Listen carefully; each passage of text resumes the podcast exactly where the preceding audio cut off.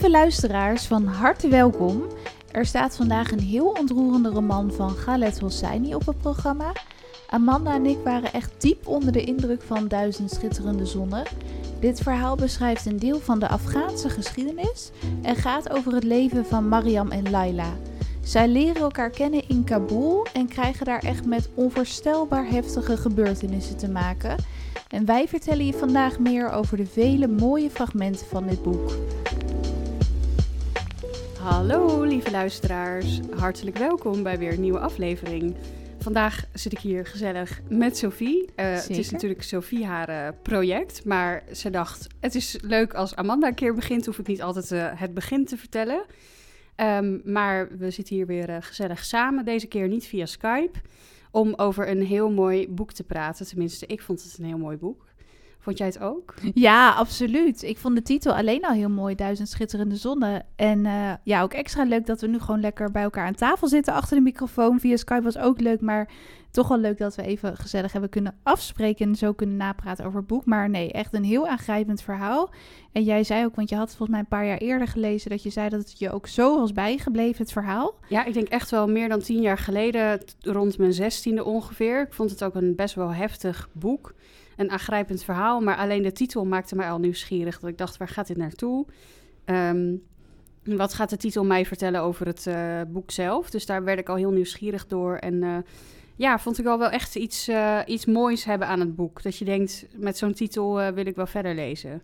Zeker, ja, klopt. Want ik was al bekend met De Vliegeraar van Galet Hosseini. Volgens mij heb ik die een keer moeten lezen, ook op school. Ja. En dit is volgens mij zijn tweede roman ook relatief nog niet eens heel erg oud. Uit 2007 kwam dit boek, begreep ik.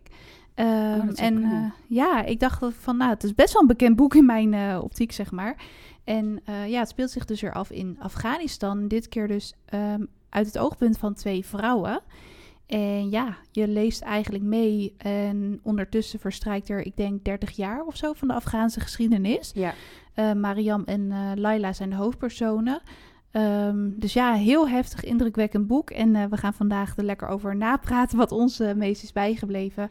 En uh, ja, ook het einde, dat vinden we allebei volgens mij nog steeds wel heel ontroerend aan het verhaal. Absoluut. En ik denk ook dat het in deze aflevering niet uit kan blijven, omdat het zoveel zegt over het verloop van het verhaal. En ja, de, de, de wendingen, hoe het boek afloopt. ik vind het wel echt heel jammer als we het einde niet zouden benoemen. Dus voor de mensen die geen spoilers willen horen, die uh, moeten misschien op een bepaald moment even verder spoelen. Dat zullen we even aankondigen, ja, inderdaad, zeker. ik denk dat het wel goed is om het, om het wel te benoemen, omdat het zo mooi was en uh, het echt heel veel zegt over het verhaal. Dus uh, Absoluut, ja, ja absoluut.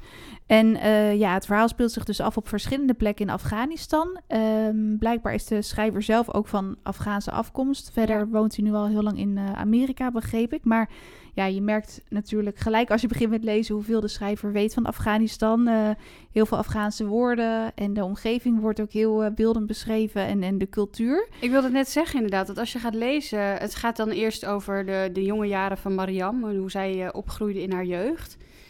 Ik vind dat hij zo knap beschrijft hoe dat er dan uitzag. En het lag ook een stukje, volgens mij, een beetje van de bewoonde wereld vandaan in Herat. Een of ander Herat? Herat? Ja, Herat volgens mij. Ja. Uh, ja, en volgens mij een stadje of zo, maar best wel ver ook van Kabul uh, weg. Een beetje een buitengebied, tenminste zo'n idee had ik erbij.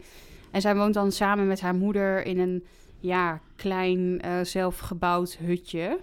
En ze hebben daar volgens mij echt helemaal niet zoveel ruimte met z'n tweeën. Maar ja, zijn daardoor een uh, ongelukkige samenloop van omstandigheden terechtgekomen. Terwijl ze allebei dus een heel ander leven zouden kunnen hebben. Ja. Maar ja, dat is niet gebeurd. En, en als dat begint, dan kom je meteen al een beetje in zo'n sfeer die je hier in Nederland uh, niet kent. En um, ik vind dat hij dat wel heel beeldend beschrijft. Absoluut. Ja, want het is inderdaad het eerste deel gaat over Mariam en dan het volgende deel over Laila en uiteindelijk komen ze bij elkaar. Ja. Um, en het laatste deel gaat dan weer over Laila. Ja, ja, klopt. Maar, dus uh, ja. ja. oh ja, vier, vier delen. Vier delen, dan, toch? Ja. ja. En ja, je begint dus bij de jeugd van Mariam, wat je al zei. En zij wordt dan rond ja, 1959 uh, geboren. Volgens mij het eerste hoofdstuk is ze dan vijf jaar. En dan wordt uh, die omgeving beschreven waarin ze leeft met haar moeder. Echt met z'n tweeën. Um, volgens mij best wel arm. Ze, kan ook, ze gaat ook niet naar school. En ze wordt ook steeds een harami genoemd. Ja. En later kom je dus achter dat dat eigenlijk betekent ja, onwettig kind of bastaardkind. Ja. Maar ze laat per ongeluk een theepot vallen. En die moeder wordt meteen boos. Die uh, noemt haar Harami. Klopt. En eigenlijk werd ik zelf als lezer gelijk een beetje op het verkeerde been gezet. Misschien of dat ik gelijk zoiets had van... wauw, die moeder die onderdrukt haar dochter heel erg. Die is heel gemeen, die scheldt tegen haar en dat soort dingen. Maar later kom je dus achter dat er wel echt twee kanten aan dat verhaal ook zitten. Uh, want je leest dus ook over die Jalil haar vader. Klopt, maar is dat dan een reden om uh, je dochter zo te behandelen? Omdat die Jalil gewoon een klootzak was eigenlijk, uh, een sukkel. Ja, echt, ja, precies. Want het is nog zo'n jong meisje, die ja. Maria. Maar ze krijgt al heel veel nare dingen te horen van haar moeder over haar vader. Die dus- precies, dus, maar buiten dat ook uh, over, over haarzelf. En iedere keer maar te horen van... ja, ik zit met jou opgescheept en dit is nou eenmaal mijn lot... en ik zal het ermee moeten doen... Terwijl Mariam daar natuurlijk geen seconde iets aan kan doen. Die wordt ook maar gewoon geboren op een bepaalde plek en een bepaalde plaats. En ja, Um, zij heeft niet gezorgd voor die omstandigheden die uh, het lot van die moeder hebben bezegeld. Nee, zeker. Die moeder is echt heel ja, verbitterd en, en geeft haar dochter dus uh, ja, heel erg de schuld. Is heel erg negatief over de vader van Mariam. Uh, want uh, Nana, dat is dan de moeder, die is blijkbaar de huisbediende geweest van Jalil. Dus ja, en hè, daar gebeurde het een en ander. En toen werd Mariam geboren. Ja, precies. Maar ja. het punt was dat uh, ze waren natuurlijk niet getrouwd. En Jalil had al drie vrouwen. Of ja. in de loop van de tijd drie vrouwen, dat weet ik niet. Maar in ieder geval, het kwam natuurlijk allemaal niet goed uit in die tijd, in die cultuur. En daarom heeft Jalil bedacht, uh, ik uh, bouw een hutje of uh, laat mensen dat doen. Hij was schijnbaar heel rijk. Ja, dat verschil ook hè, tussen rijk ja. en arm, zo bizar. Hij had een bioscoop, hij had geloof ik nog wel meer bedrijven. Hij had een groot huis, hij had drie vrouwen. Dat geeft ook een bepaalde aanzien, geloof ik. Hoe, hoe, machtig je bent, hoe rijk je bent, omdat die drie vrouwen... En hij had bepaald dat Nana dan maar moest wonen in een, in een klein hutje achteraf. En een van die zoons van hem, die komt haar dan iedere week boodschappen brengen. En de, Jalil komt iedere week Marjam bezoeken. Maar ja, verder horen ze niet bij het gezin of bij de familie. Nee. Uh, ze worden ook echt een beetje in een onwettig hoekje gedrukt ja, daarmee. Maar um, het is natuurlijk wel uh, zijn dochter. Ja, het blijft zijn dochter. Zij heeft daar niet voor gekozen. Nee, en Nana wordt eigenlijk alleen maar heel verbitterd en uh, ja, ziet alle vooroordelen over hem uh, bevestigd. Klopt. En Mariam als jong meisje krijgt ook echt twee verhalen te horen van haar ouders. Hè? Ze hebben allebei een eigen kant van het verhaal. Ja. Ook over hoe zij is geboren en hoeveel tijd haar vader in haar steekt. En ja. ja wat moet Mariam nou eigenlijk uh, geloven? En Mariam zelf, ja, die is gewoon echt dol op de vader. Jalil, die komt elke donderdag langs. Dit zal uren van tevoren zitten ja, te wachten. Die verafgoot hem. Voor dat? Die aanbidt hem. Die, die zit te, te, wachten inderdaad in een boom tot hij komt. En uh, helemaal helemaal voor je, toch? Zo'n meisje. Ja, en, en ook een paar dagen van tevoren al. En dat die moeder zegt, ja, nou, uh, denk maar niet te veel. En hij komt toch niet. En voor je het weet, laat hij in de steek. Dat heeft hij tenslotte met mij ook gedaan. Het is echt heel gemeen. Heel gemeen, erg ergens is een soort misschien bezorgdheid of bescherming. Maar voor zo'n jong meisje is dat natuurlijk, ja, die adoreert de vader. En dan hoort ze van haar moeder juist alleen maar weer gemene dingen. Ja. En ja, die vader lijkt in het eerste opzicht lijkt hij, hè, een heel lieve man. Hij uh, gaat met haar vissen. Hij leert er van allerlei dingen. Hoe ze vissen ook voor mij moet schoonmaken en zo. En hij neemt af en toe cadeautjes voor de mee. Ook cadeautjes, ja. ja. Valt ook weer niet een goede aard bij de moeder natuurlijk. Nee, nee, ze is alleen maar opzichtig. En uh, denkt hij dat hij je kan omkopen of zo. Weet je, het is nooit goed. Het is nooit goed. En hij vertelt uh, Mariam ook hele mooie verhalen over de stad Herat en over zijn bioscoop. Ja. Maar goed, op het moment dat Mariam ook wat ouder wordt, dan heeft ze zoiets van: Nou, ik wil die machtige verhalen wel eens in het echt zien. Ik wil wel eens naar de bioscoop, naar die mooie stad en ijsjes eten. Maar dat blijkt dan toch wat ingewikkelder te zijn. Ja, zeker. Want ik had in het eerste, uh, nou, eerste instantie dacht ik wel, nou ja, dit is gewoon hè, een uh, lieve vader die zijn dochter komt opzoeken. Mm. Maar dat, vrij in het begin van het verhaal, dat vond ik ook gelijk al best wel een heftig moment. Ik weet niet hoe jij dat vond, dat ze dus Volgens mij wordt ze dan 15. Ja. En nou ja, haar ze vader... zegt tegen hem van, uh, kom je me ophalen? Want ik wil nu uh, die bioscoop wel eens zien. En dan zegt hij, ja, de volgende dag om 12 uur zal ik er zijn. Ja, haar vader... Ja. Oh, sorry. Nee, ga verder. Ja. Oh, haar vader. En, en uh, het is op een gegeven moment uh, rond 12 uur en hij komt maar niet. En op een gegeven moment gaat ze zelf maar daar naartoe lopen. Ze weet ongeveer de weg, maar niet helemaal precies. Als ze eenmaal over de heuvel is in Herat, waar ze dan naartoe moet. Maar dan zegt die moeder nog tegen haar, dat is me ook wel heel erg blij, bijgebleven. Uh, van als je, als je weggaat, als je bij me weggaat, dan ga ik dood. En uh, daardoor voelt ze zich ook zo schuldig. Want uh, ja, ze neemt de beslissing om hem te gaan zoeken, om weg te gaan. Maar en ze wil ook heel graag de broers en zussen zien. Want hij heeft dus negen wettige kinderen, zeg maar. Zij is dan het onwettige kind. En ze heeft dus ook, dat vond ik ook wel heel ja, heel mooi, heel ontroerend of zo. Dat ze dus elf steentjes had. Of inmiddels had ja. ze volgens mij tien wettige kinderen. Was zij dan de elfde, maar wel onwettig. Ja. Ze had ze elf steentjes en had ze allemaal de namen gegeven van een broertje of zusje. En ze wilde gewoon heel graag hun leren kennen. Ja. Het huis zien, het mooie huis waar haar vader in woonde en met hun naar de bioscoop. Maar tegelijkertijd kiest ze er dan wel voor om haar moeder achter te laten. Die voor haar heeft gezorgd het Die hele voor haar heeft gezorgd, precies. En dat, het voelt, dat voelt volgens mij, denk ik, voor haar als een heel erg tweestrijd of zo. Terwijl dat natuurlijk niet zou moeten zijn dat je het gevoel hebt dat je moet kiezen tussen je ouders. Klopt. En wat je inderdaad zegt, dat de moeder ook echt, ja, lijkt een beetje ook bijna te zwel zelf meelijden van zonder jou ben ik niks, ben ik verloren, dan ga ik dood. Er wordt letterlijk gezegd, maar Klopt. Mariam die kiest er toch voor van, ja, ik, mijn vader zou me ophalen. Het heeft hij niet gedaan. Ze had zich helemaal mooi aangekleed. En dan komt ze dus bij dat huis aan. Nou ja, jullie voelen wel aankomen. Dat uh, heeft nogal verstrekkende gevolgen. Ja, haar vader uh, ja, staat niet uh, blij te wachten met open armen om haar te ontvangen.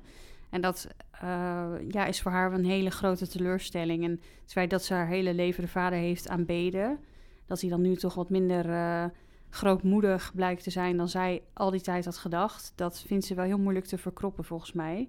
En ze wil ook net zo lang blijven wachten tot hij naar haar toe komt. Maar dat gebeurt maar niet. Ze wordt ook gewoon niet binnengelaten. Want een bediende of zo, of een chauffeur, die zegt gewoon dat Jalil eh, weg is. Maar ja, ja eh, Mariam ziet wel zijn auto voor de deur staan. En ze ziet op een gegeven moment het gordijn ook bewegen of zo. Ze ziet even zijn gezicht voor een raam. Maar toch hoopt ze van, ja, waarom mag ik dan niet naar binnen? Ik ben ook gewoon zijn dochter. Maar ja, in die uh, tijd was waarschijnlijk uh, status gewoon hartstikke belangrijk. En ja, die cultuur. Dus zij mocht gewoon niet naar binnen. Ze heeft gewoon op straat geslapen. Ja, en op een gegeven moment wordt ze eigenlijk met dwang een beetje teruggebracht naar de koolbaan, naar de moeder. En dan, oh, dat vond ik zo verschrikkelijk moment. Dat was een beetje nog in het begin van het verhaal. Toen dacht ik, oh wauw, dit is zo heftig. Ja, hè? Want uh, ja, Mariam die ziet iets, uh, nou ja, wat dus uh, het gevolg toch is geweest van dat zij weg is, waar ze zich dus heel schuldig over voelt, de hele leven, denk ik. Ja, eigenlijk ook een beetje op haar manier de consequenties van haar vlucht. Ja. Of van, van haar zoektocht naar de vader, dat de moeder toch heeft gedaan wat ze zei. Ja. En dat ook Marianne dat moet aanschouwen op haar veertiende, uh, vijftiende, dat is natuurlijk ook uh, vrij heftig. Ja, dat ze gewoon uit het leven is gestapt. Ja. Wel echt heel heftig. Heel heftig. En dan wordt ze dus uh, ja, noodgedwongen toch weer teruggestuurd naar Jalil. En dan begint het. Dan, dan begint eigenlijk de ellende pas goed. Terwijl je ja. denkt, dit is me nogal eventjes wat om te verwerken. Maar dat is slechts de inleiding. Zeker, dat is echt de inleiding. En er gebeurt ook echt heel veel in het verhaal. En je krijgt ook wel echt een beeld van hoe het daar was. Zo'n andere wereld. Je kan het je bijna niet voorstellen. Nee, maar het is wel dan weer zo toegankelijk beschreven dat het ook niet heel ingewikkeld is om je er uh, in te laten, door te laten meeslepen. Zeg Klopt. Maar. Klopt, je, het is inderdaad gewoon heel begrijpelijk en uh, er zijn wel veel Afghaanse woorden in. Maar goed, aan het eind van het boek heb je ook gewoon een woordenlijst dat je het kan opzoeken. Ja, dat is wel fijn. Dat is wel heel fijn, want er staan echt best wel veel woorden in uh, die wij echt niet kenden nog. Nee. Maar dat ze dan ook gewoon wordt, wordt uitgehuwelijkt hè, op de 15e ja. of zo. Aan een echte man van 45. Ja, want uh, Jalil heeft volgens mij uh, een man opgeduikeld ergens of zo. Of die, uh, nou, een kennis in ieder geval van de familie, van dat ja. gezin. En ze wordt ook niet in dat gezin verder opgenomen. Er wordt eten voor haar neergezet. ze krijgt een dak boven haar hoofd, maar dat is het dan ook wel. Tot ze op een gegeven moment van een van die vrouwen van Jalil te horen krijgt... je moet naar beneden komen. En dan krijgt ze te horen dat ze wordt uitgehuwelijkt. En dan zegt ze ook, ja, hij is nou, een beetje ouder, hè. Maar ja, dat komt wel vaker Dat is heel normaal. Dat is heel normaal. En nou, dan blijkt hij uh, 30 jaar ouder te zijn. En dat is echt een hele rare, vieze man. Uh, en hij is ook uh, helemaal niet goed voor zijn vrouw, blijkt uiteindelijk. Respectvol, vreselijk. vind ik. Hij behandelt haar vreselijk en... Uh, ja, mentaal, psychisch en fysiek geweld. Als het hem niet zint wat ze doet. Dus dat is allemaal heel heftig. Maar uiteindelijk moet ze dus met hem trouwen, terwijl ze dat niet wil. Ze kijkt ook nog een paar keer naar de vader. En die kijkt heel laf weg. Die en doet gewoon niks, die gaat die gewoon niet niks. in. Nee. En dat vind ik ook heel mooi beschreven. Heel uh, schrijnend natuurlijk ook. Dat ze nog de hoop heeft van... Nou, maar hij, hij houdt het toch wel tegen. Hij gaat er toch niet voor zorgen dat ik echt met die man moet trouwen. En hij geeft uiteindelijk ook toestemming en eh, het gaat gebeuren. Zij trouwt met uh, Rashid en ze moet met hem mee naar Kabul, want daar heeft hij zijn huis. En dat is ook nog eens heel ver weg van waar ze nu woont. Ja, er wordt er echt verteld. Oh ja, dus dan de kans dat ze ooit de vader nog ziet is natuurlijk ook heel klein. Maar ze is volgens mij vanaf dat moment ook echt boos op hem. Ja. Ze wil hem ook niet meer zien. Ze zegt ook bij dat afscheid, als ze de bus instapt, dan doet de vader eigenlijk nog een beetje, doe me dit niet aan. Terwijl hij haar het natuurlijk heeft aangedaan. Dan zegt ze, nee, ik hoef je echt nooit meer te zien. Dan komt wel haar krachtige, beetje dat ze echt voor zichzelf opkomt, dat ze zoiets heeft. Ze is zo diep teleurgesteld. Ja. Ze hoeft hem gewoon nooit meer te zien. Aan de ene kant best wel verbitterd natuurlijk. Maar aan de andere kant vond ik het inderdaad ook heel sterk. Ik dacht, ja, ze komt nu wel voor haarzelf op. En dit is wat ze wil. En ze wil hem dus nooit meer zien. Wel heel verdriet, want ze was natuurlijk altijd zo dol op hem. Precies. Maar dat ze dan ook in Kabul aankwam, ik zag het ook helemaal voor me. Dan, ja, je bent gewoon echt nog een, een, een jonge tiener, zeg maar. En dat je dan met iemand in huis woont die en je vader had kunnen zijn, een onbekende stad. En die je ook nog als oud vuil gewoon behandelt. Ja. Dat is echt. En ze moet ook een boerka dragen. Later werd dat volgens mij normaler. Maar volgens mij toen in die tijd waren vrouwen nog best wel vrij. Ja, en, en hij houdt er echt hele ouderwetse regels op na. Die dus uiteindelijk wel weer uh, terugkomen. Maar toen de tijd helemaal niet gewoon waren. Dat, dat zij een boerka en ook nog achter hem moet lopen, geloof ik. En uh, ja, uh, niet in contact mag komen met andere mannen. Um, volgens mij wil hij ook niet dat ze alleen over straat gaat. Nou, allemaal dat soort gekke dingen. En ze zit eigenlijk gewoon de hele tijd thuis. Het is niet dat hij zegt, joh, hier, ga lekker naar een opleiding volgen of nee, een baan. dat mag ze ook allemaal nee. niet. Dat is, uh, dat is niet goed voor haar. Terwijl ze eigenlijk, dat was ook nog in haar jeugd, ze wilde eigenlijk heel graag naar school. Ja. De enige kennis die ze dan echt vergaarde, zeg maar, qua uh, dat soort kennis was dan over de uh, Koran, volgens mij. Met haar uh, islam, was dat een islamitische leraar? Die ja, een moela of zo. Moela, ja, precies. Een, een, een leraar. En die leerde haar inderdaad de, ja, de, de islamitische gebeden of ja. versen uit de Koran. Dus dat, daar is ze echt mee opgegroeid. En ja. dat is voor haar gevoel ook een beetje, ja, alles wat ze heeft. Maar eigenlijk wilde ze heel graag naar school. Maar ook die Rashid, die wil gewoon dat ze hè, het huis schoonmaakt, kookt. En zelfs ja. als ze kookt, vond ik ook zo naar. Dat je denkt, een meisje zit de hele dag alleen thuis. En dan kookt ze en dan is het niet goed. En nou ja. Ja, de rijst is niet goed. Of uh, dat dit, is, dit is oh, hoe je rijst ja. maakt. En dan Met stopt steentjes, steentjes oh. in haar mond. En nou, je leest het, zoveel schrijnende details over de manier hoe hij haar mishandelt. Dat is, dat is heel ellendig, maar ik vind alsnog, hij, hij geeft het zo goed weer. Je voelt helemaal met haar mee. Het kwam op mij niet ongeloofwaardig over. Ik kon me zo voorstellen dat er dus echt zo'n kerel bestaat... die uh, zijn vrouw aan alle kanten onderdrukt... en zoveel mogelijk laat merken dat hij haar eigenlijk... nou, het uh, schoensmeer op zijn uh, gepoetste schoenen niet waard vindt. Precies. En dat ze gewoon een stuk minder is dan hij... en dat ze eigenlijk niks goed kan doen...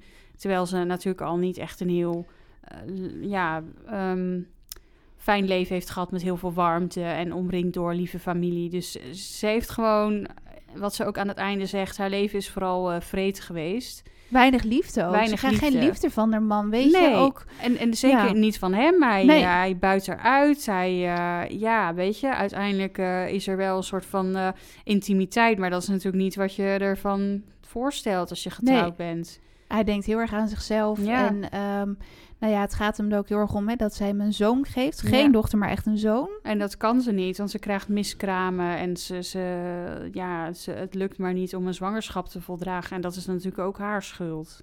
Dan krijgt ze nog meer uh, te maken met mishandeling en ja. onderdrukking. En ja, ook als ze dan zwanger wordt, het lijkt dan echt een mooi lichtpuntje te zijn. Maar dat wordt dan toch weer een triest uh, einde, helaas. Ja.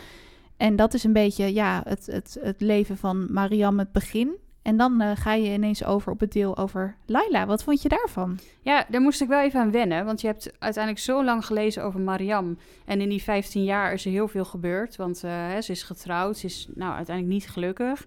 Maar je leest over haar jeugd, over haar vader. En, en dan opeens lees je over Laila, die een heel ander leven heeft gehad dan Mariam. En uh, ja, gelukkig opgroeit met een moeder die wel uh, last heeft van veel depressies. Maar Laila trekt heel veel op met haar vader. En met uh, Tariq, haar, ja, haar vriend. Ja? in, zijn dat nou buren? Of nou ja, Volgens mij wel. In ja. de buurt. En ze zijn hele goede vrienden. Vooral in hun jonge jaren is dat natuurlijk anders dan wanneer je allebei ouder wordt. Want dan gaan mensen er toch over praten en dingen denken en zo. Maar ja, het is eigenlijk heel onbezonnen. hoe noem je dat? gewoon een, een, een hele mooie kindervriendschap tussen een ja. jongen en een meisje. Dat vond ik ook wel heel mooi. Maar Laila gaat naar school. Laila is heel slim. Uh, ze kan goed leren. Haar vader is leraar en die juicht het ook toe dat ze naar school gaat en dat ze iets gaat doen met de kennis die ze heeft vergaard. Dat vindt hij heel belangrijk. Dus ze hebben best wel moderne ja, um, gewoonten die ze erop nahouden. Ja, zeker. Heel anders. Geen boerkaas nee, of, of heel anders ook dan, dan het leven van Mariam. Alleen ja, haar moeder uh, kan het niet verkroppen dat de broers uh, weg zijn of de oudste zonen weg zijn uh, en vechten. En um, ja, laat haar door haar hele leven leiden en vergeet Laila nog wel eens. Dat vond ik wel heel verdrietig, ja. ja. ik ook. Want eigenlijk heeft ze het alleen maar over die zonen. En dan zegt Laila, ja maar mama, ik ben er ook nog. Maar ja.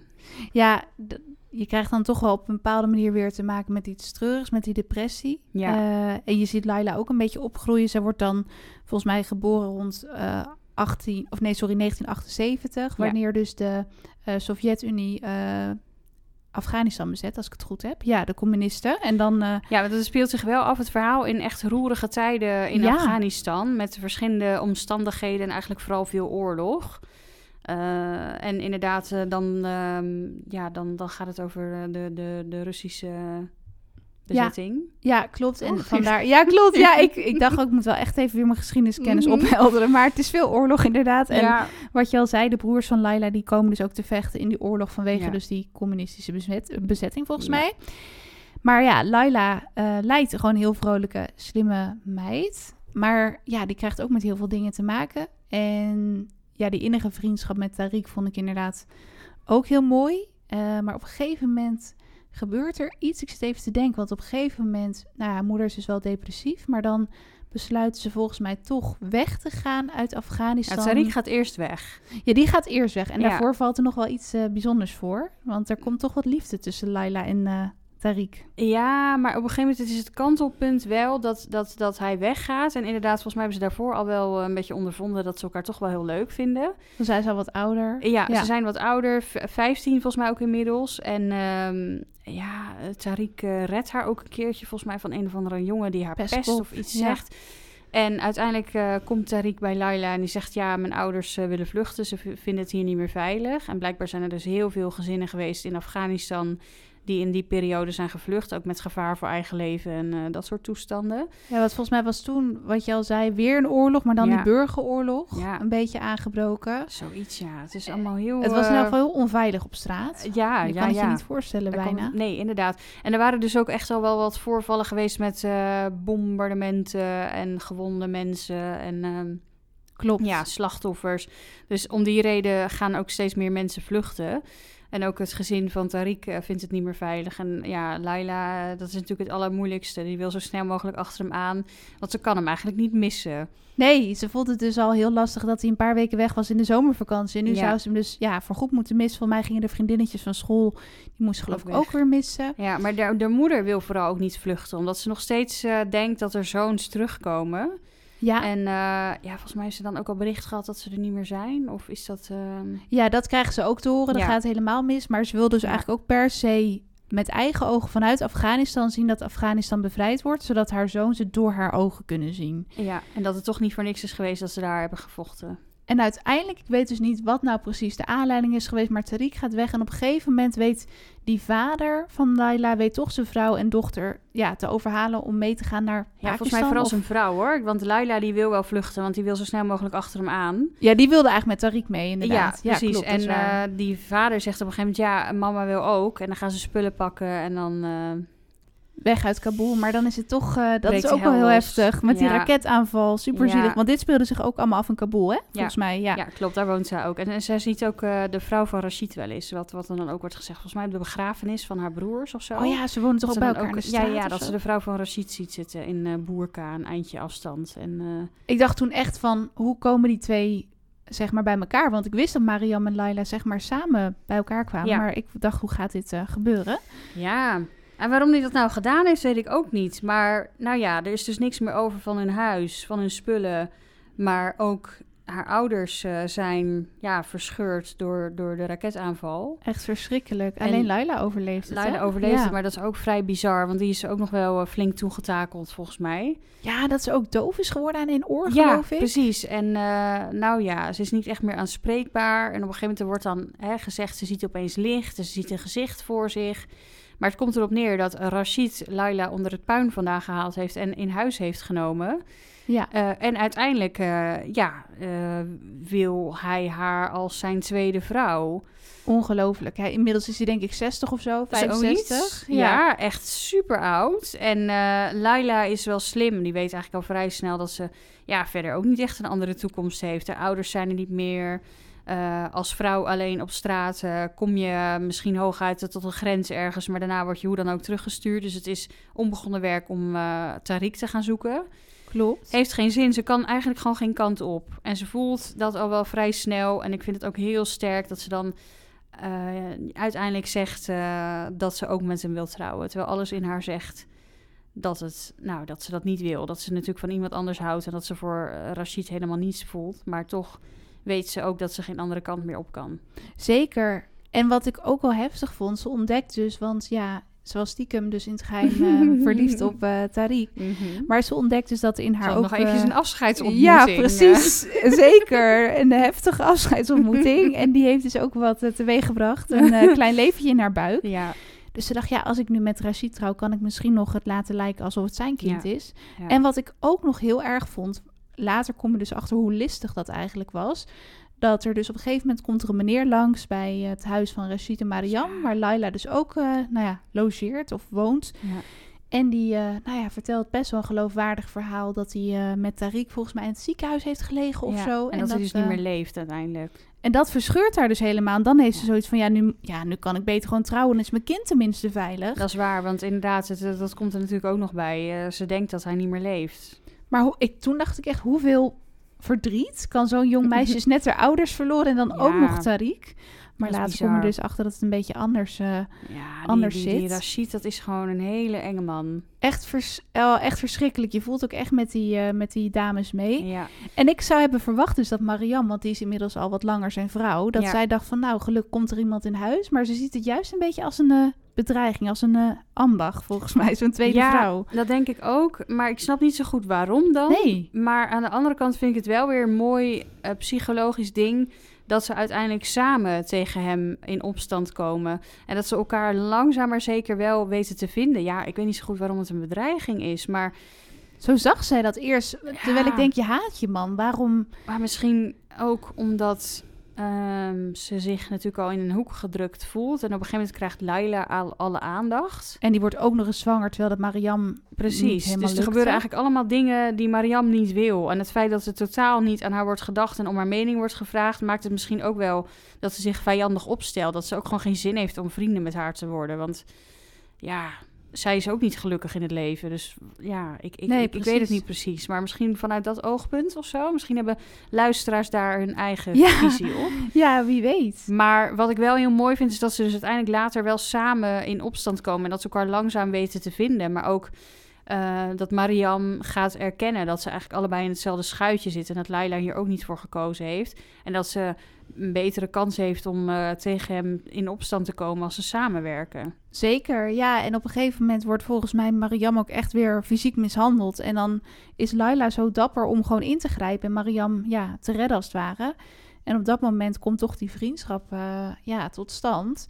En dat vond ik ook wel een heel mooi moment. Dat ze dus ook ja, een soort van vriendinnen worden. Of een soort moeder-dochterrelatie. Ze schelen toch ja. best wel wat jaren. Ja, inderdaad. Misschien meer dat of zo. Ik, ik heb het idee dat Mariam zich ook een beetje opstelt als oma. Want het is ook dol op, uh, nou ja, Aziza, dochtertje ja. van uh, Ja, van dat is het. Volgens mij komt het daardoor, brengt Aziza ook heel veel licht en leven in het huis. Waardoor Mariam uiteindelijk ook een beetje ontdooit. Ja. En ja, volgens mij is ze vooral ook gewoon heel erg verbitterd dat dit haar is overkomen. Dat ze zit met die vent, dat ze er niks uh, aan kan doen. Dat ze geen kind heeft om zich op Zo te concentreren. Hulpeloos. Ja. Hulpeloos. Uh, ja, ze, ze kan, kan niet uit de situatie uh, raken.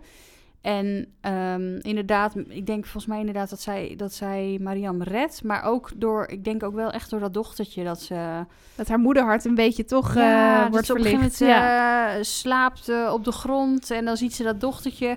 En dat dochtertje kijkt naar Mariam. Mariam is naar beneden gekomen. Laila slaapt, het dochtertje is wakker. En dan ontstaat er een soort van voorzichtige band. En daardoor ook een voorzichtige band met Laila. Heel mooi, Heel ja. Mooi die krijgen echt een hechtige, hechte band, inderdaad, zeker. Um, alleen ja, hè, Aziza is een dochtertje, helaas geen zoon, zegt Rashid. Dus nou ja, Laila krijgt het ook zwaar te verduren. En hij zegt steeds, nou, Aziza heeft niet jouw oogkleur, ook niet de mijne. Dus die heeft het wel door. Die vraagt een beetje hoe zit het met die Tariq. Hij maakt af en toe ineens een hele venijnige opmerking. Maar er, komt, er komt wel een moment dat hij, uh, ja, dat, hij, dat hij echt de koe bij de horens vat. Maar heel subtiel zegt hij dan iets en denk oh, jij bent echt een hele gemene man. Echt, er zit niks positiefs in die man. Bijna dat je denkt, hoe kan zo iemand bestaan? Maar goed. Ja.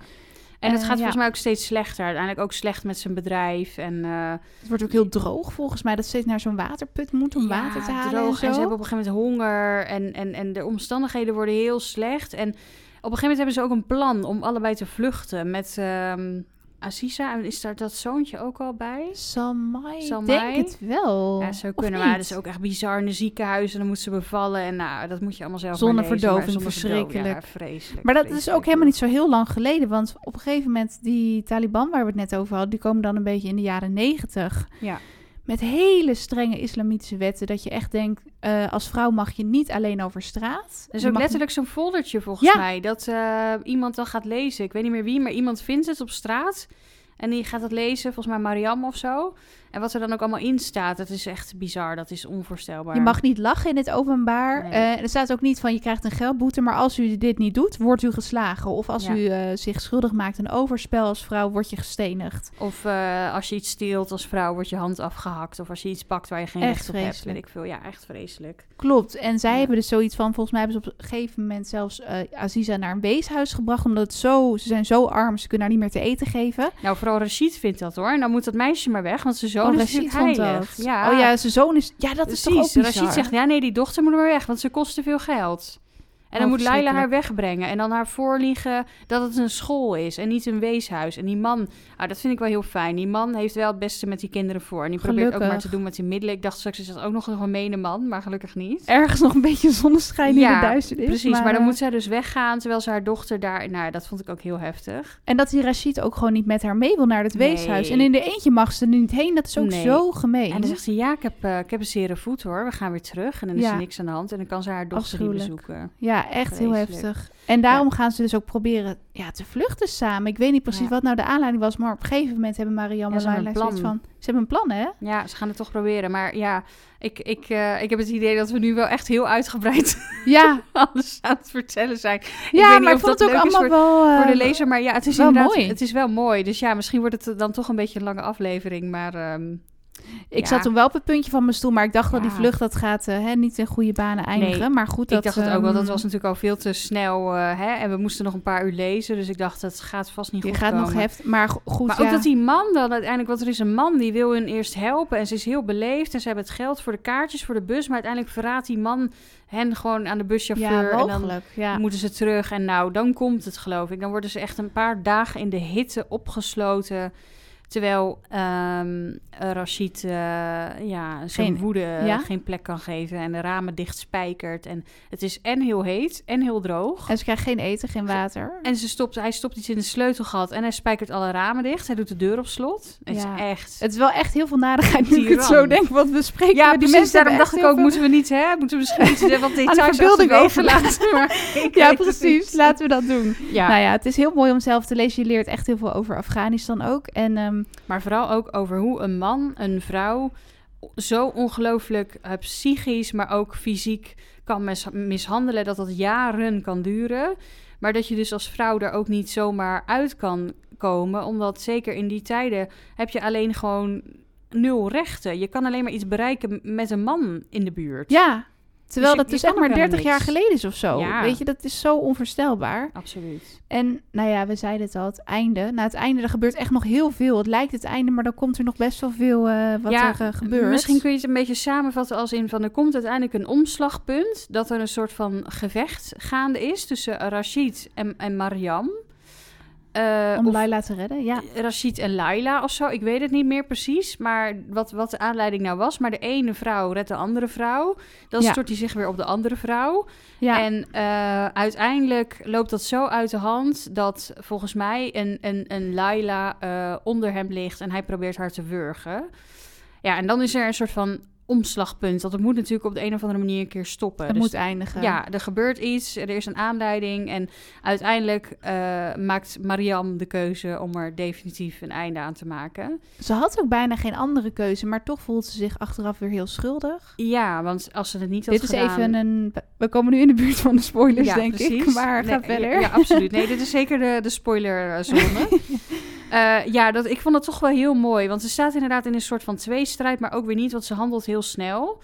Maar ze ziet wel meteen de consequenties van haar daden onder ogen. En ik geloof dat Laila daar wel meer moeite mee heeft. Ja. En daar echt langer de tijd voor nodig heeft. En ook nog echt een beetje ondaan is van wat er is gebeurd. Maar Marianne vind ik heel kalm, heel helder, zelfverzekerd van haar zaak. Ja. En heeft eigenlijk meteen al wel een plan hoe ze kan uh, zorgen dat Laila een toekomst kan opbouwen en haar leven kan leven. En uh, hoe Mariam ja, moet dealen met de consequenties. Maar ja, ze heeft er wel een einde aan gemaakt. Ik, ik weet niet, ik vond het ook zo mooi. En dan vind ik haar zo sterk. En dan ligt die Laila op haar schoot. En dan zegt ze van het komt wel goed. Ik ga, ik ga nadenken over een oplossing. Ga maar slapen. En eigenlijk weet je dat zij al gewoon een plan heeft. Ik vond het heel heftig, want ik weet nog toen ik eh, begon met lezen. Jij had het boek al een keer eerder gelezen. En je zei: Ja, het einde is echt heel heftig. Dan eh, moet je echt een traantje wegpinken. En ik dacht van: Nou, die uh, Mariam heeft hè, gezorgd dat die Rashid is uitgeschakeld. Ik denk: Nou. Het kan geen happy end zijn, want ik wist dat jij het zo heftig vond. Dus ik dacht echt, oh jee, wat gaat er gebeuren met Mariam of Laila? Uh, maar ja, Marianne maakt inderdaad wel een hele heftige keuze. Maar wat, ja, om, ze geeft eigenlijk haar leven op voor het geluk van Laila en haar kinderen. Want Laila is trouwens, dat is misschien wel even goed om nog te zeggen, inmiddels uh, herenigd met Tariq. Want die bleek gewoon nog te leven. Klopt, dat zijn we even vergeten. Maar dat uh, speelt inderdaad ook mee. Er zijn hoogtepunten in het verhaal. Ja die, die bleek nog te leven. Dus dat moesten ook echt even verwerken. En ze hebben bijgepraat. Maar er is natuurlijk ook heel veel veranderd in de tien jaar. Want hij heeft een heel ander leven geleid. En zijn ouders zijn inmiddels volgens mij ook allebei overleden. Nou, hij heeft heel veel dingen meegemaakt. Maar Laila kan het ook niet geloven. Die denkt echt dat het een soort van hallucinatie is of zo. Dat hij het uh, tuinpaadje op komt lopen. Klopt. En um, ja, dat, dat speelt natuurlijk ook mee. Want Marianne weet dat ook. En uh, oh, volgens mij vielen daarom de klappen. Ja. Omdat, uh, dat zoontje zegt... ja, met die man waar mama mee omging of zo. Mama heeft een nieuwe vriend. Precies, die er was. Nou, en dan gaat hij natuurlijk helemaal door het lint. Ja, dat heeft echt uh, heel veel gevolgen, ja. ja. inderdaad. En dat Mariam, want ik dacht eerst nog, oh, ze gaan vluchten. Mariam, Tariq en Laila. Maar Mariam maakt een heel definitieve keuze. En het lijkt ook eigenlijk bijna een... Wat je net ook zo mooi zei, ze geeft haar leven op voor het geluk van Laila. En dat is ook echt wat ze doet. En dat vond ik heel mooi, maar ook heel heftig echt heel heftig. Hoe je dat leest, het is zo mooi en zo verdrietig dat je denkt, Mariam heeft zoveel tegenslagen en verdriet meegemaakt. En dat je dan toch, ja, door die liefde ook voor Aziza, denk ik, en Laila, dat ze dan toch zo sterk is om dat gewoon te doen. Dat ze zoiets heeft, mijn leven is goed zo. Ja. En ik, eindelijk heb ik nu zelf uh, de regie over wat, wat er gebeurt en welke keuze ik maak. Ook al is die keuze, ja, niet... Uh niet wat je wil. Maar toch ook ongelooflijk dat, want ze geeft zichzelf dus, nou ja, aan. Maar dat je dan dus echt wordt vermoord of wordt doodgeschoten. Ja, gestenigd dat, Of gestenigd zelfs. Volgens mij is er niet eens een, een, een geweer aan te pas gekomen, toch? Want zij of wordt ze... Nou, ik weet het niet. Ik dacht dat ze wordt gestenigd. Ja, het zou heel goed kunnen hoor. Dat ze dat ook weer in een van die wetten hebben opgenomen. Precies, dat lijkt me dus ook nog, nog verschrikkelijker. Dan denk ik, ja, uh, schiet me dan een kogel door mijn kop. Dan ben ik meteen weg. Maar de, voordat je eindelijk een beetje buiten westen bent... omdat je bekogeld wordt met stenen... dat gaat ook nog wel een tijdje duren, denk ik. Dat is Klopt. hartstikke pijnlijk. En dat iedereen ook toekijkt. Dat het hele volk, dat er gewoon duizenden ogen op haar gericht in zijn. in een stadion. Ja. Dat wordt ook zo mooi beschreven eigenlijk. En die die weg die zij moet gaan. En, en jij hebt daar een klein stukje van wat je. Ja, dat vonden we allebei best wel een zielig stukje. Ja, maar dat beschrijft het wel heel mooi. En um, wat wilde ik daar nou nog meer over zeggen? Je leest ook een stukje daarvoor dat ze dus in de gevangenis zit, maar eigenlijk heel leidzaam wacht tot haar vonnis. En ja. ook geen getuige wil, geen advocaat. Ze geeft toe wat ze gedaan heeft. Om er maar voor te zorgen dat Laila buitenspel blijft, zodat zij de leven kan opbouwen met Tariq. En alle dingen kan doen die Mariam uh, niet zijn gegund in het leven. Zeker, en ze voelt zich dus ook schuldig tegenover die Samai, het zoontje dat ze hem zijn vader heeft afgenomen. Dat vind ik wel heel dapper, want ik denk, ja, je had geen keuze. Je moest gewoon Laila redden, klaar. Ja. Um, maar volgens mij Laila ook hoor. Ze moet ja. leven met het feit dat, dat Mariam haar lot bepaald heeft. Ja. Maar ook uh, het feit dat de vader er niet meer is uh, van uh, Salmai. Dat het natuurlijk toch zijn vader is. En dat ze hem moet uitleggen ooit hoe dat komt. Of nou ja, een verhaal moet verzinnen, maar moet leven met die last. Ja, en dat is ook zo zei van, ja, ze moet die keuze van Mariam accepteren. En dat wilde ze niet. Ze, wilde, ze houdt natuurlijk ook van Mariam. Ze wilde dat hij ook meeging met haar en haar gezin. Ja. Uh, maar inderdaad, we hebben een klein stukje voor ja. jullie om heel veel la te laten horen. Het boek is sowieso echt de moeite waard om zelf te lezen. Zeker. we hebben zeker nog niet alles verteld. Deze staat absoluut in mijn top drie. Ik weet niet wat Ja, nummer drie dan is. Het is ook het achtste leven voor Brilka Oh ja. van Nino Hartjeswili. Maar ook Duizend Schitterende Zonnen. En ja, de nummer drie, eh, daar moet ik nog even over nadenken. Maar, Maar dat, is toch, dat zegt wel iets. Je hebt heel veel gelezen en het is Ja. toch een van de mooiste boeken. Ja, zeker. Dat blijft me ook altijd bij. Ik, eh, ook al lees ik het eh, twaalf jaar na datum weer. Dus eh, dit jaar nog. Ik wist precies nog wat er ging komen en eh, wat ik kon verwachten. Het was, eh, ik, en ik vond het weer mooi. Het deed geen afbreuk aan ja, de insen- intensiteit van het verhaal. Nee, dat is ook bijzonder. En wat jij ook zei, dat de titel dus afkomstig is uit een eh, ja, bestaand gedicht van een eh, Perzische dichter van de Ja. 17e eeuw. Klopt. Eh, dat is dus vertaald. En wat wij ervan vonden in het boek, het is dus ja, niet een hele letterlijke vertaling, maar in het Nederlands wordt hij wel zo gebruikt. Ja, dat is volgens mij ook maar een aantal zinnen, toch? Omdat eh, Ja. de vader van Laila het hele gedichtje niet meer kan herinneren. Precies, ja, dus Laila denkt dan terug aan de vader, aan zijn vaarwel over Kabul, zeg maar. En Ja. dan is dit, ik zal het heel veel laten horen, maar daar komt dus ook die mooie titel vandaan.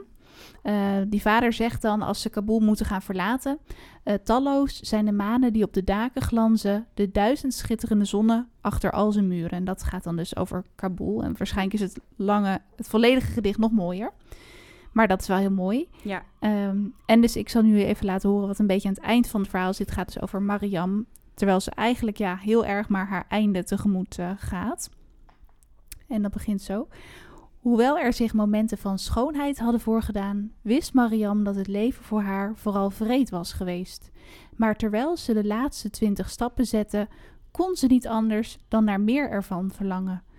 Ze wilde Laila terugzien, wilde haar opklinkende lach weer horen, weer met haar bij een pot chai zitten en bij de overgebleven halwa onder een sterrenhemel.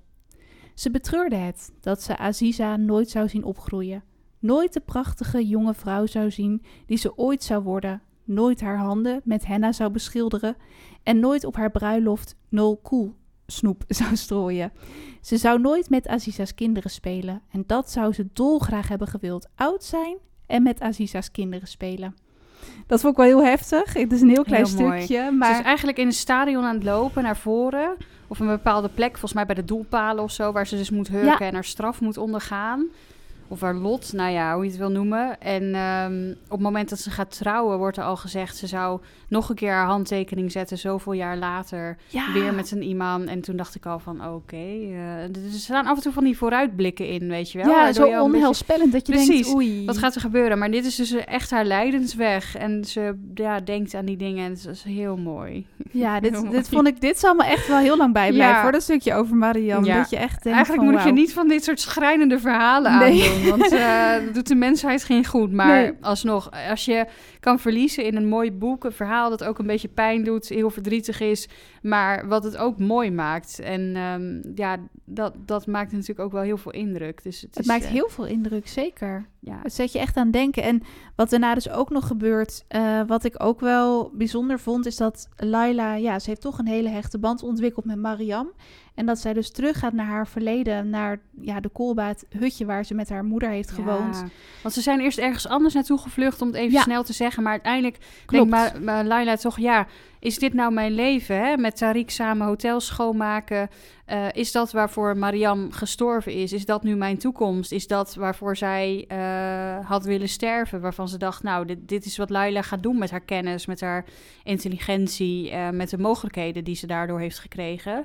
En dat voelt heel wrang. Ze denkt, nee, dit is niet hoe ik wil leven. Mijn hart ligt ook in Kabul. Ze wil Ja. eigenlijk weer terug naar Kabul. terug naar Kabul, terwijl daar misschien niet heel veilig is meteen al. En Tariq, ja, ja, die twijfelt ook wel, maar wil, die gaat met hem mee, waar ze ook naartoe gaat. Precies. Dus dat vind ik ook heel mooi. En ze leren elkaar weer een beetje kennen na tien jaar gescheiden te zijn en zo'n ander leven te hebben gehad. Dus gelukkig kent Laila inderdaad nog wel geluk gewoon met een man waar ze wel van houdt, waar wel intimiteit is. Daar was ik wel heel blij om, want ik denk, zo kan het ook, zeg maar. Ja, en dan gaat ze dus ook inderdaad naar Herat, Herat, Herat en, uh, om uh, daar te zien waar Mariam is opgegroeid, maar uiteindelijk ook uh, iets te doen met het uh, weeshuis waar uh, Aziza zo lang verbleven heeft in Kabul. En daar gaat ze een heel mooi project opzetten om ook kinderen les te geven. Ja, waanzinnig. Maar Zeker. ja, wat je zegt, dat stukje dat ze echt een beetje in Mariam haar leven duikt en de sfeer ervaart en ziet waar ze gewoond heeft, dat vond ik ook wel heel mooi. En dat ze echt weer eventjes dicht bij haar komt. Klopt. En wat ik best wel verdrietig vond weer, is dat ze dus langs gaat bij uh, die leraar, uh, oh, Moula ja. volgens ja. mij. Nou, die is helaas overleden, die was toen ook al wat ouder. Maar zijn zoon doet open en die is helemaal blij, want die denkt, Mariam is er, ik moet nog wat aan haar geven. Maar ja, Mariam is er helaas niet. En nee. er ligt toch een hele bijzondere brief op haar te wachten van Jalil, waarin het een en ander weer duidelijk wordt. Ja, nou ook weer zijn excuus aanbiedt. Ja. En uh, ja, alsnog de film meestuurt die Mariam ooit in de bioscoop had willen zien. Ja echt heftig. Dat je denkt, oh, had het wat eerder gedaan. Maar goed, ja. Ja, jongens, weet wat jullie te wachten staat. Alsnog, we hebben heel veel verteld. Maar ja. uh, dat is omdat we het zo'n mooi verhaal vonden. En ik vind nog steeds, uh, lees het boek nog een keer. Ik heb het ook twee, drie keer gelezen. Ik vind het nog steeds net zo mooi. Dus uh, dat doet geen afbreuk aan, ja, aan het verhaal. Nee, zeker niet. En ook gewoon op elke bladzijde staat eigenlijk, je merkt het nu al, het is niet eens een ongelooflijk dik boek, maar er staan gewoon zoveel gebeurtenissen in omschreven die eigenlijk allemaal belangrijk zijn, bijna allemaal bespreken waard zijn, zeg maar.